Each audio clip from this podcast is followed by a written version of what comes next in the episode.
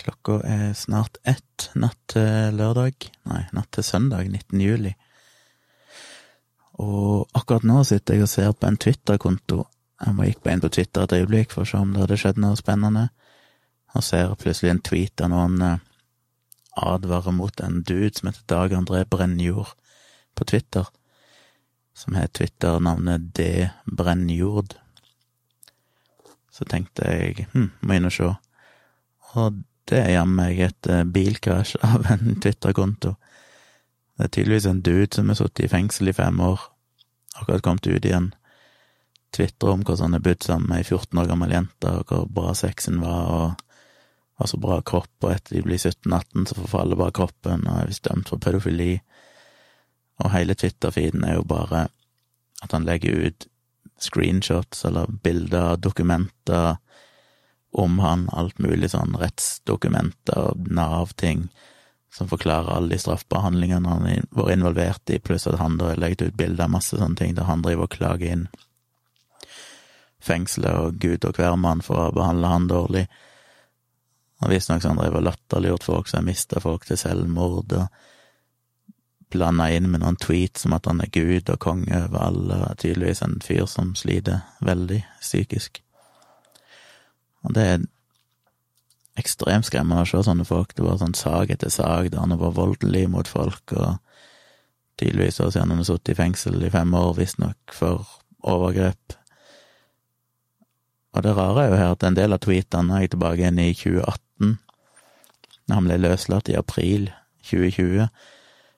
Så i 2018 så han jeg hatt såpass åpen soning at han er har tilgang på Twitter, som jeg fant merkelig. Jeg trodde ikke de hadde lov å være på internett og drive og kommunisere med omverdenen, men det har han jo tydeligvis hatt, der han har sittet. Så legger han ut noen dokumenter av politiet eller noe sånt, som mener at han utgjør en ekstremt stor trussel når han blir frigjort.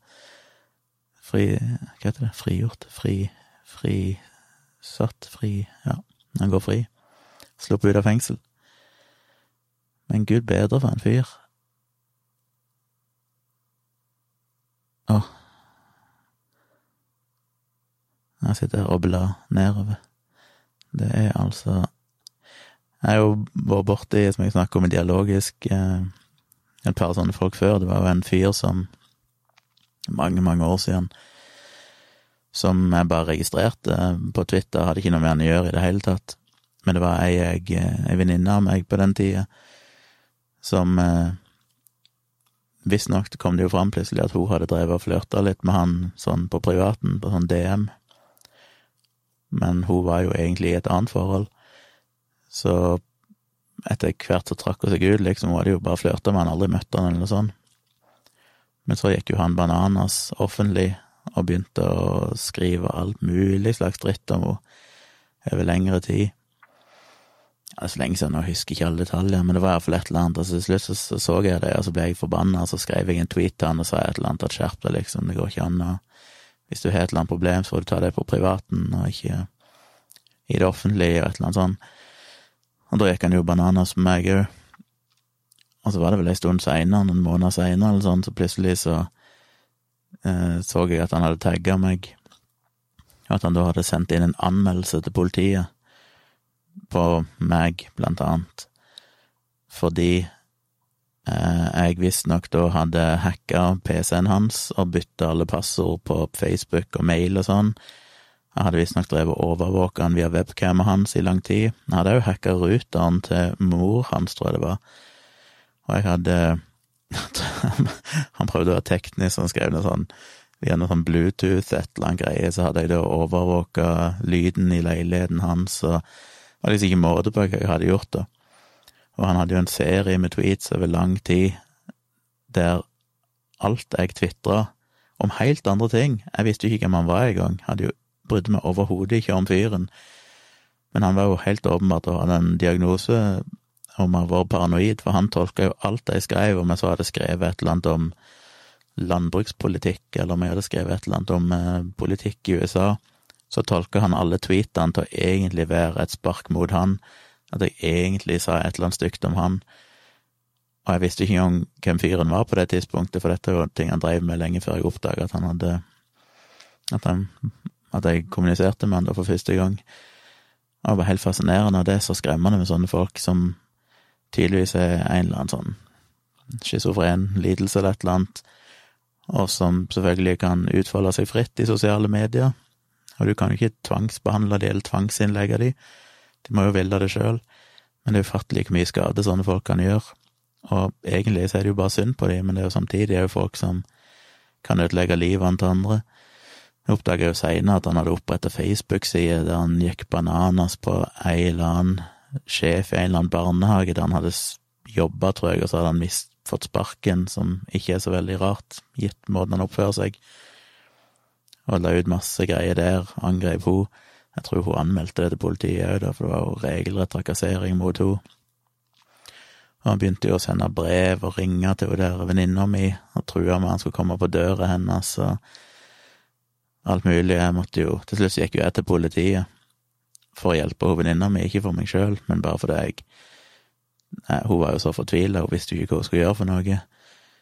Så jeg gikk til politiet på Grønland, bare møtte opp der en dag og spurte om jeg kunne snakke med noen, og basically bare spurte sånn ja, først er det levert inn, inn en anmeldelse på meg. Og da sa jo politiet han jeg snakka med, at han søkte litt i, på en datamaskin, og sa vel bare sånn at det kunne ikke han si. For det hvis jeg hadde vært nevnt, eh, hvis jeg hadde vært oppfatta som mistenkt på noen slags måte, så ville jeg fått beskjed om det av politiet. Men gitt at jeg selvfølgelig ikke var det, så kunne de heller ikke si noe om hva de hadde fått inn. Men det var så morsomt måten han snakka på, for han sa liksom Han basically svarte meg men på en måte der han lata som han ikke svarte meg på grunn av taushetsplikt. Så han sa liksom hvis vi har fått inn en anmeldelse, og hvis ditt navn er nevnt, så er det i så fall bare i teksten, liksom, at jeg var ikke direkte anmeldt, jeg var bare implisert eller beskyldt for et eller annet, bla, bla, bla. Men det er helt tydelig at han egentlig visste hva jeg snakka om, og og like tydelig at dette var sannsynligvis en fyr de kjente godt til, og egentlig bare la sånne anmeldelser rett i skuffen, for han er sikkert en sånn fyr som da tydeligvis anmeldte folk i øst og vest, for han hele tiden trodde at folk prøvde å ta han for et eller annet. Men det er jo allikevel, selv om du vet at det er en crazy fyr, så vet du jo at det er ganske kjipt når han driver og deler bilder på internett som alle kan se, der han beskylder meg for å ha gjort alt mulig rare ting, og eller liksom levert anmeldelse til politiet. Selv om selvfølgelig alle med to hjerneceller skjønner vel at det er vel lite sannsynlig at jeg hadde hacka meg inn i huset hans og drev og overvåka han 24 timer i døgnet i månedsvis, inklusiv mora hans og alt mulig sånn. Men uh, ja, og han her fyren her som jeg ser på nå, Dag André Brennjord, er jo et litt tilsvarende tilfelle, da bare vesentlig verre, siden han da åpenbart har gjort grove kriminelle ting og har sittet inne i fengsel, alt mulig sånn. Men det er en av de tingene som jeg syns er noe av det skumleste her i samfunnet. Det er jo folk som åpenbart sliter veldig psykisk, og kan gjøre veldig mye skade, og du kan ikke tvangsbehandle dem. Og hva kan du gjøre? Du, politiet vil ikke gripe inn før de eventuelt gjør noe. De må liksom først basically bli et offer før politiet egentlig kan gjøre noe, med mindre de fremsetter veldig konkrete og direkte trusler, men, men så lenge alt er bare litt sånn innenfor grensa, men fortsatt veldig, veldig ubehagelige og truende, så er det ingen som egentlig kan tre inn og få stoppa de. Og det er fuckings det Jeg syns synd på de folkene som er utsatt for han her fyren, heldigvis, og aner ikke hvem det er, og aldri hatt noe med han å gjøre. Men hvis det er folk som har hatt noe med han å gjøre, og han driver Han har jo drevet og delt med Han er jo tydeligvis ei datter, da, som han òg driver og deler masse informasjon om, og henger ut hos, stakkar indirekte via alt det screenshotene han driver og deler her og sånn. Nei, shit. Det er Det er deprimerende. Det er nesten eh, Jeg ser han delte et bilde av et, noe jeg tror kanskje kan være advokaten hans, som basically hadde skrevet til han og sagt at hvis ikke han slutta å dele sensitive opplysninger sånn i offentlige, så måtte hun trekke seg fra saken og et eller annet sånt. Men eh, han virker jo bare helt sånn narsissist. For alt han deler, så deler han bare masse sånn latter-emojis. Syns bare alt er morsomt. I beskrivelsen sin så han, kaller han seg jo da for en influenser og aktivist og PR-spesialist i rettssikkerhet, human rights, miljø og klima, NUCC, vet ikke hva det er for noe. Martial arts og bodybuilding. Sånn administrerende direktør, selv om han kaller det admin director, som jo ikke er verken fugl eller fisk, for noe som heter for Power Trading ANS. Altså han copyrighta seg sjøl som crazy, som jo for så vidt er sant. Og han starta på eh, Twitter i juli 2017, som på et tidspunkt han tydeligvis satt i fengsel, da. Så han må ha hatt mye frihet der, men de skriver jo masse dokumenter at han ser den sånn rapport han har delt fra politiet som sier at han har vært ekstremt vanskelig å ha med å gjøre i fengsel, og har basically valgt å sitte i isolat i alle år, han vil ikke ha noe med andre å gjøre, har vært voldelig, forferdelig språkbruk. Ja, han er jo basically sånn fyr som er tydeligvis temmelig lost, og bare sånn tvers igjennom ufordragelig på alle måter, og har null selvinnsikt og null evne til å forstå at det han driver med, er galt. Og sånne folk er jo det jeg virkelig er redde for. Sånne folk som ja, er på en måte psykopater i den forstand at de finner jo glede, åpenbart, i å skade andre mennesker. Det er jo ikke noe Og de bare fortsetter, og de har blitt straffa, og så kommer de ut, og så fortsetter de. Men hvis han har sittet inne i fem år for å ha forgrepet seg på en eller annen Jeg har ikke funnet ut akkurat hvilken sak det var, men jeg så andre tvitre om det. Og så når det første han skriver, er liksom at han eh, skryter av å ha hatt sex med en 14-åring, og så er du ikke helt eh, Da er det ikke Da er det ikke for mye rehabilitering i fengsel, for å si det mildt. Så det er det interessant å se hvilke folk som følger han. Så for eksempel ei gammel klassevenninne av meg som ikke har hatt kontakt med på 30 år, følger han. Og Norges forskningsråd følger han av en eller annen merkelig grunn. Så det gjør meg eh, Ja. Anyway, jeg fikk òg en mail, jeg er jo på noen sånn mailingliste som jeg ikke alltid vet hva jeg har havna på, men jeg eh, fikk en mail nå som hadde havnet i spamfilteret mitt, om jeg er inne og kikker i spamfilteret daglig for å se om det er kommet noen falske positive der. Og der er det en mail fra Pew Research Center, som jo er veldig bra, som jeg òg bruker mye. I siste bok, mye håndbok i krisemaksimering, så refererer jeg jo flere ganger til Pew Research Center, for det gjør jo veldig spennende undersøkelser. Det er stort sett det er noen tilsvarende MMI i Norge, eller det som heter MMI, hva det heter nå, Kantar, eller noe sånt. Men som egentlig bare driver med sånn befolkningsspørreundersøkelse. Og jeg ser her kom de med inn nå, der de hadde gjort en survey of US adults i perioden 16. til 22. juni i år, og stilte de forskjellige spørsmål. Og det de prøvde å finne ut der, var forskjellen på holdninger blant republikanere og demokrater i USA. Og da er tallene her er da prosentandel som sier at, altså er det forskjellige påstander, er et veldig stort problem i landet i dag. Og det første de har i lista her, er The way racial and ethnic minorities are treated by the criminal justice system og prosentandelen republikanere som mener at det er et veldig stort problem, er 20 og demokrater er 76 Det er en ganske stor sprik. Så bare én av, av, fem republikanere syns at det er et problem hvordan eh, rase og etniske minoriteter blir behandla i rettssystemet i USA. Og så er jo spørsmålet the coronavirus outbreak. Der er det bare 37% av republikanere som mener at det er et stort problem, mens igjen 76 av demokrater mener det er et stort problem. For å klargjøre det ikke bare republikanere, men det er òg de som heller imot en republikansk eh, politikk. Og sammen med demokrater, de som demokrater slash de som lener mot en demokratisk eh, politikk, så så det er ikke bare de som kanskje har stemt demokrater, stemt på demokrater eller regner seg som demokrat, men de som på en måte lener den veien politisk, og motsatt. Så det er det spørsmål om uh, the affordability of healthcare. Der mener 39% av republikanere at det er et stort problem, og 72% av demokrater mener det er et stort problem, altså at helsevesenet er for dyrt i USA. Unemployment, altså arbeidsledighet, der mener 36 av republikanere at det er et stort problem, mens 61 av demokrater mener det. Og så er den siste som er interessant, for det er ethics in government. Og der mener faktisk 55 av republikanere at det er et stort problem, og 70% av demokrater. Og det er jo interessant at over halvparten av republikanerne faktisk mener at uh, etikken i myndighet, eller i uh, Hva kaller du det? Government-regjeringa? Det er jo ikke regjering sånn sett, men eh, i de som leder landet eh, i USA, er et problem. Det er jo ikke helt bra, med over halvparten, og i snitt da så er det 63% Så 63% av amerikanere i den undersøkelsen mener altså at det er en problematisk etikk i eh, styret, de som leder landet i USA. Hm. Uh, ja, så er det noe mer greier her. Vi må se.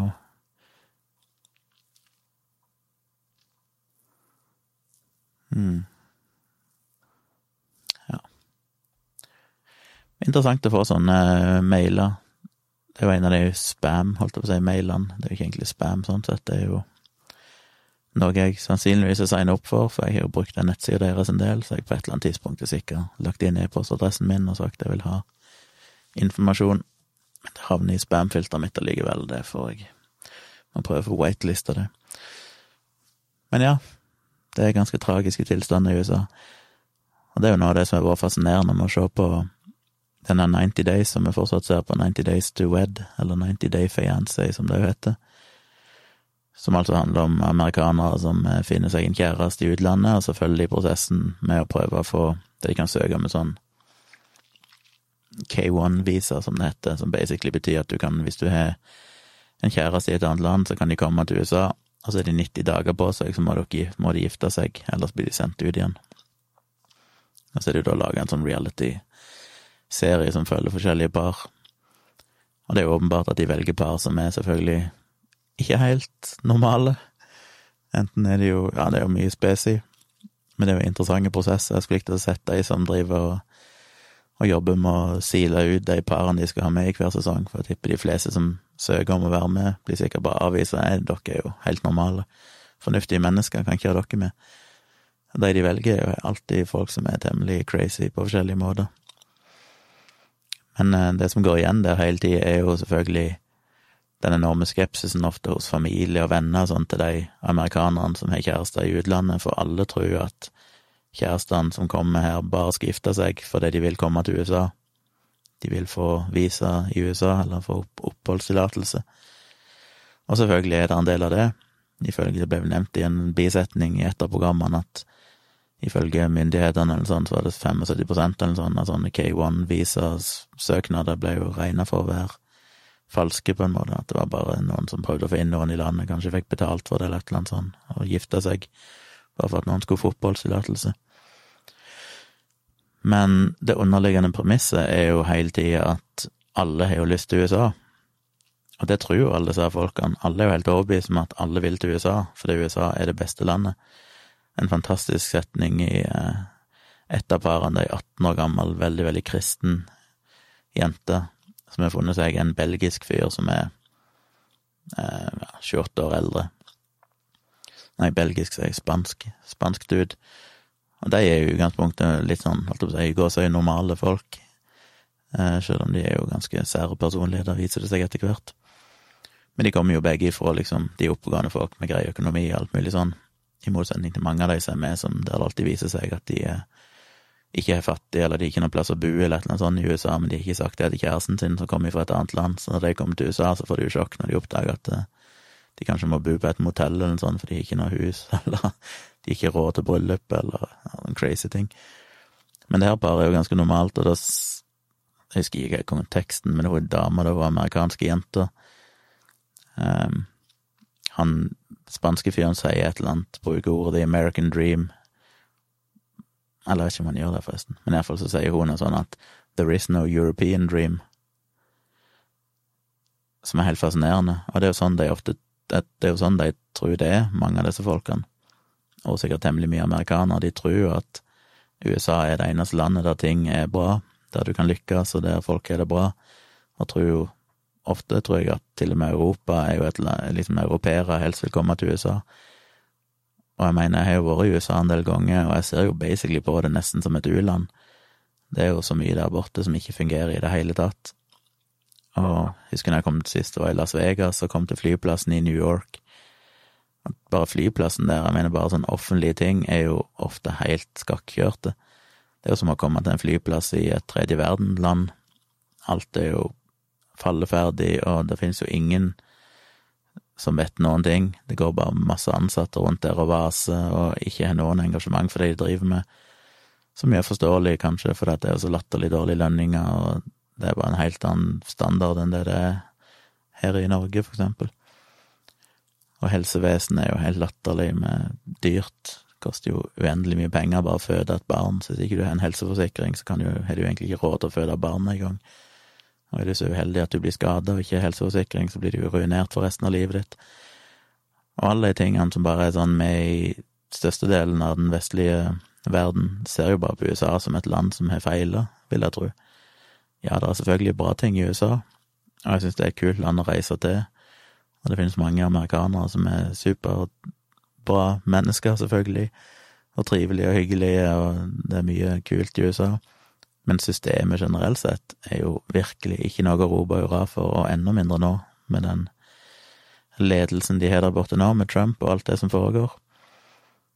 Og det er helt fascinerende at de er så hjernevaska til å tro De blir jo oppfostra til det fra de er liksom små, gjennom hele skolegangen, dette med at America er så great, og dette er det landet, land of milk and honey, og alle vil liksom komme til USA.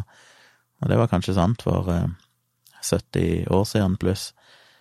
Men de siste ti årene så er det ikke så veldig mange, tror jeg, som ifra den vanlige vestlige verden, som ser på USA som noe drømmeland.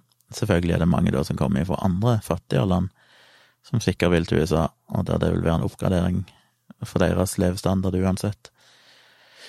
Men eh, de har jo en merkelig idé om at eh, USA er så overlegent som de trenger virkelig å reise mer.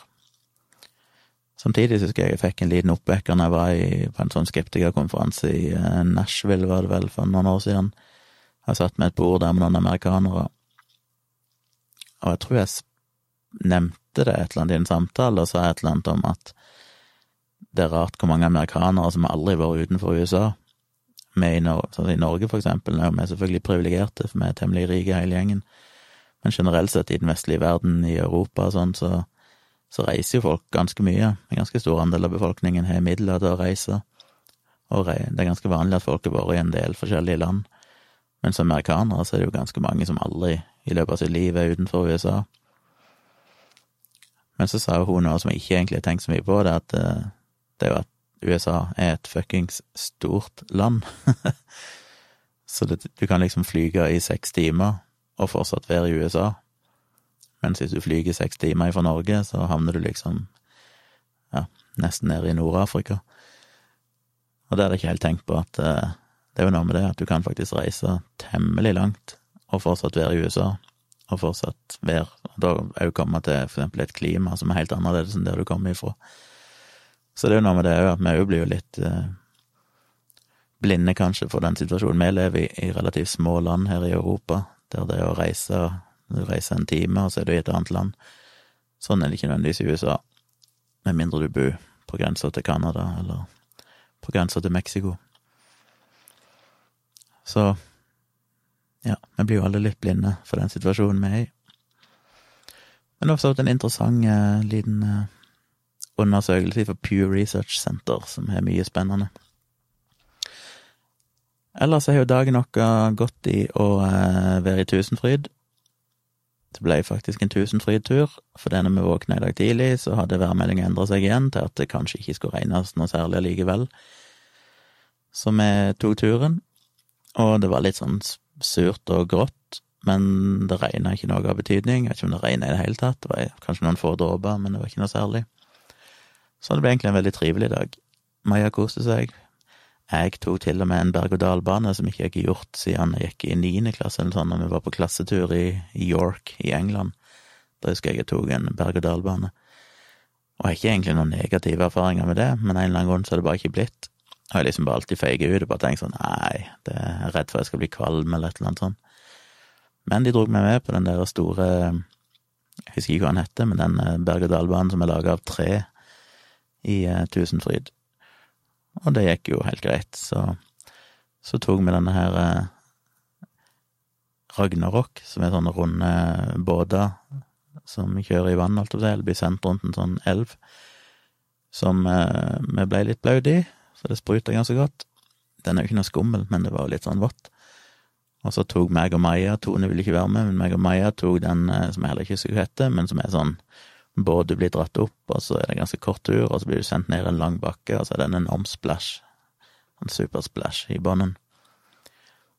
Og den var jo nesten verre enn berg-og-dal-banen, for den der siste lange turen ned, som går skikkelig langt ned, og så kjører du gjennom en tunnel, så du tror du skal stange hodet i kanten, for det virker så smalt, og så rett opp igjen, og så rett ned igjen.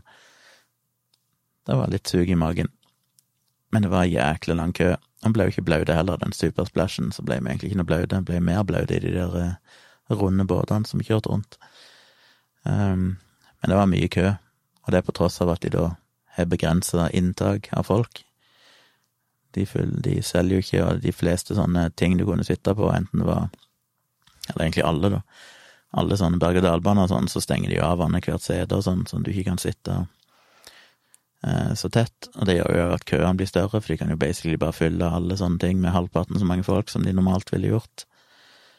Så det var langt lenge å vente. Men eh, i løpet av den tida vi var der, så var vi jo liksom 70% av tida sto vi jo i en kø. Og sånn sett var det egentlig bare greit at det ikke var steikende sol, for det var iallfall ikke så ubehagelig å stå i køen, det var en grei temperatur. Så det var en trivelig tur. Så kom jeg hjem igjen, og så spiste vi på Yo Sushi, og det er det lenge siden vi har gjort. Eh, de har jo en Yo Sushi i Østbanehallen. Nå vet jeg jo at eh, mange av dere som hører på, kanskje de fleste, bor ikke i Oslo, men i Østbanehallen, altså, på sida av Oslo S, så har de jo gjort det for noen år siden, gjorde det om til et nesten sånn, holdt på å si, shoppingsenter. Det er vel litt feil ord, kanskje, men mange eh, butikker der de selger mat og sånn, og restauranter og kafeer. Blitt et veldig trivelig sted. Jeg hadde jo kontor rett på sida av Oslo S. Jeg gikk jo gjennom Oslo S og Østbanehallen hver eneste dag i mange, mange år, fram til vi flytta opp her på Haugenstua. Eh, og det var en sånn ritual meg og Maja at i alle årene jeg har hatt henne her i Oslo som alenefar her Ikke alenefar, men eh, Helge, pappa. Så da hun var ganske liten, så tok jeg henne med på Yo Sushi, for jeg tenkte det var kanskje gøy for henne, for det er jo sånn sushirestaurant der alle sushirettene går på sånn rullebånd forbi, så du bare plukker det du vil ha, og spiser der. Og det syns jo hun var stas. Og det er ganske gøy nå, da, for, at, eh, for et år eller to siden så lærte hun seg å bruke pinner. Eh, litt inspirert av Tone, for Tone er veldig flink til å spise med spisepinner, siden hun er sånn Japan-fan. Jeg har jo spist med spisepinner i mange, mange år, men jeg bruker de egentlig feil. Men jeg bruker de på en måte som funker for meg, så det funker jo. Og Maja var veldig skeptisk til det, men plutselig så lærte hun seg det, og nå spiser hun med spisepinner som bare det, og bruker gjerne det hvis hun kan frivillig òg, andre plasser der de har mulighet for å bruke spisepinner. Så det syntes hun var veldig stas, og så ble det et sånt ritual, da, hver gang hun var i Oslo, så hadde vi alltid en tur på Yo Sushi. Eh, for det var liksom koselig, det var noe hun hadde lyst til. Men det har vi ikke vært da siden før koronagreiene, for det har jo vært stengt. Så eh, i dag så tenkte vi vi skulle sjekke det ut, for nå åpna de jo igjen for en stund siden, og det var koselig koselig å gå tilbake igjen til et gammelt ritual som Maja trives med, og ja, vi syns det er fint, alle sammen.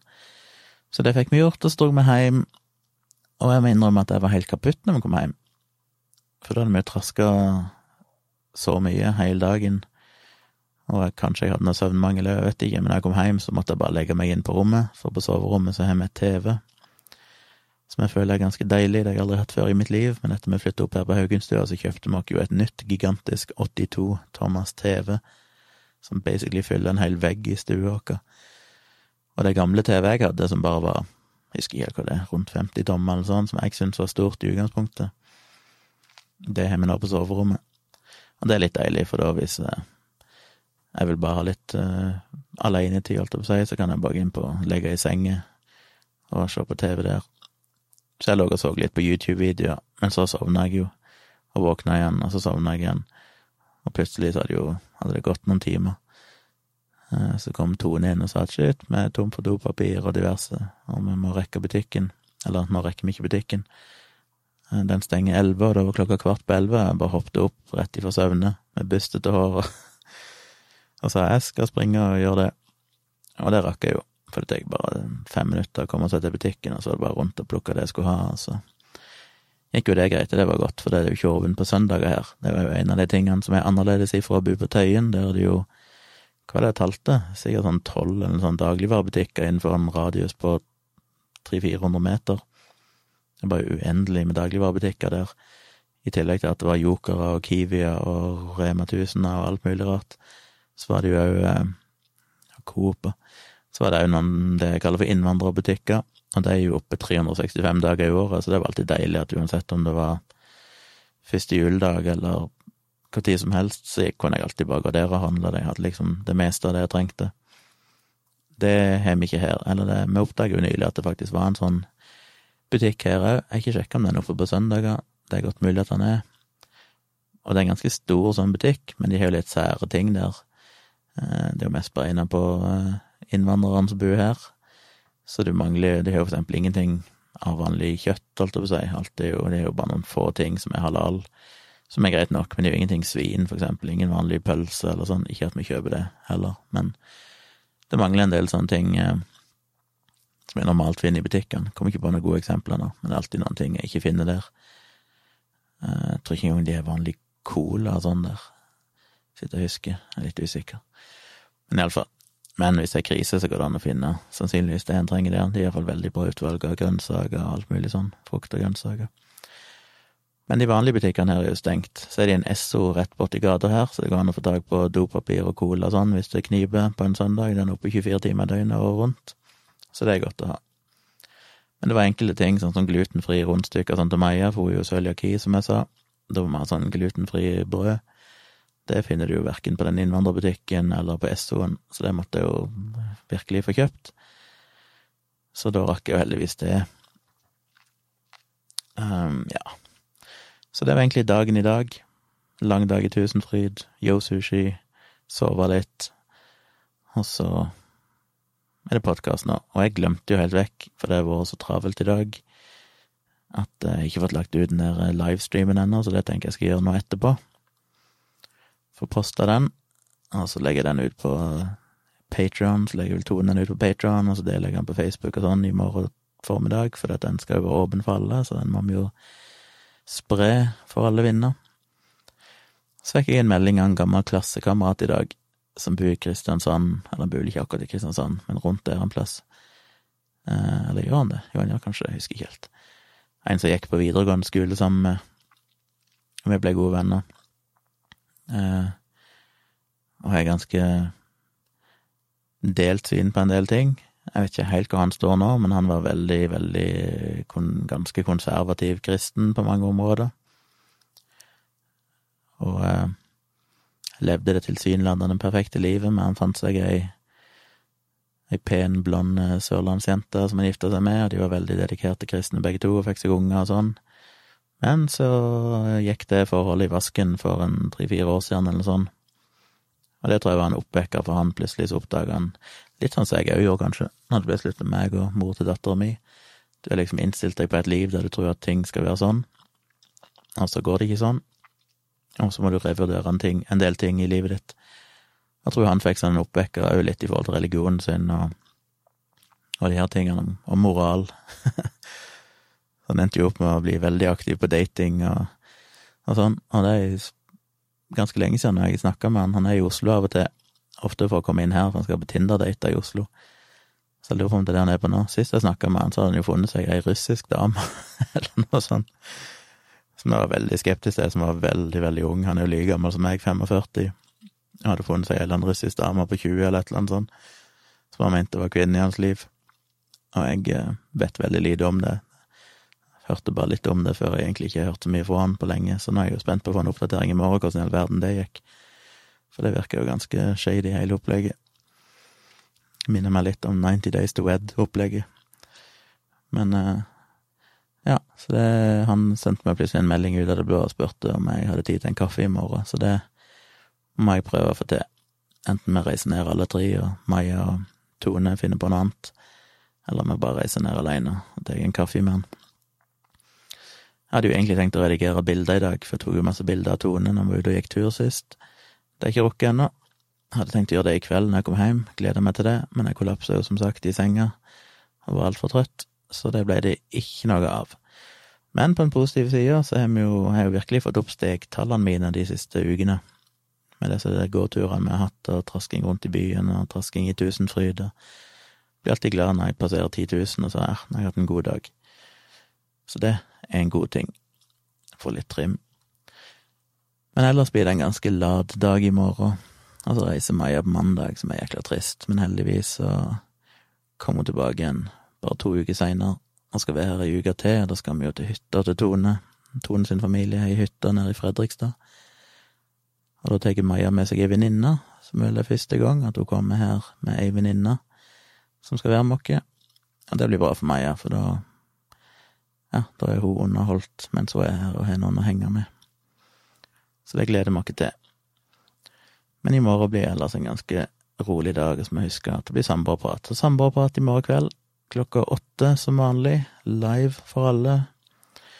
Og eh, takk til nye patron. Jeg har fått iallfall én ny patron i dag. Setter veldig pris på det. Så hvis dette er noe av det første du hører, så er jeg veldig takknemlig for det. Jeg har fått noen sånne patron som skal ha bøker av meg, så det er pluss et par bestillinger på bøker, så det må jeg få sendt ut nå. Jeg skulle egentlig gjøre det før helge, men det var kanskje like greit jeg ikke gjorde det, for det kom til et par nye nå i løpet av helge, et par siste dagene. Så da må jeg få sendt ut de bøkene nå i neste uke. Og etter jeg kjøpte denne berømte etikettskriveren, så har jo det blitt mye lettere. Nå kan jeg bare føre det inn i MyBring-systemet på nett og printer ut etiketter, og så har jeg disse bokpakkene jeg pakker de inn i, som er sånn ferdige pappgreier som du bare rapper rundt boka med selvklebende, og limer på den pakkseddelen, og så er det bare å levere de på posten, og trenger ikke tenke noe på porto og alt mulig styr. Så det er deilig. Men da har jeg vel ranta nok om diverse ting, så da eh, blir det vel ikke noen podkast i morgen, men det blir samboerprat, så dere hører oss igjen og ser oss igjen hvis dere vil det, live i morgen klokka åtte, det vil si søndag kveld klokka åtte. Vi snakkes.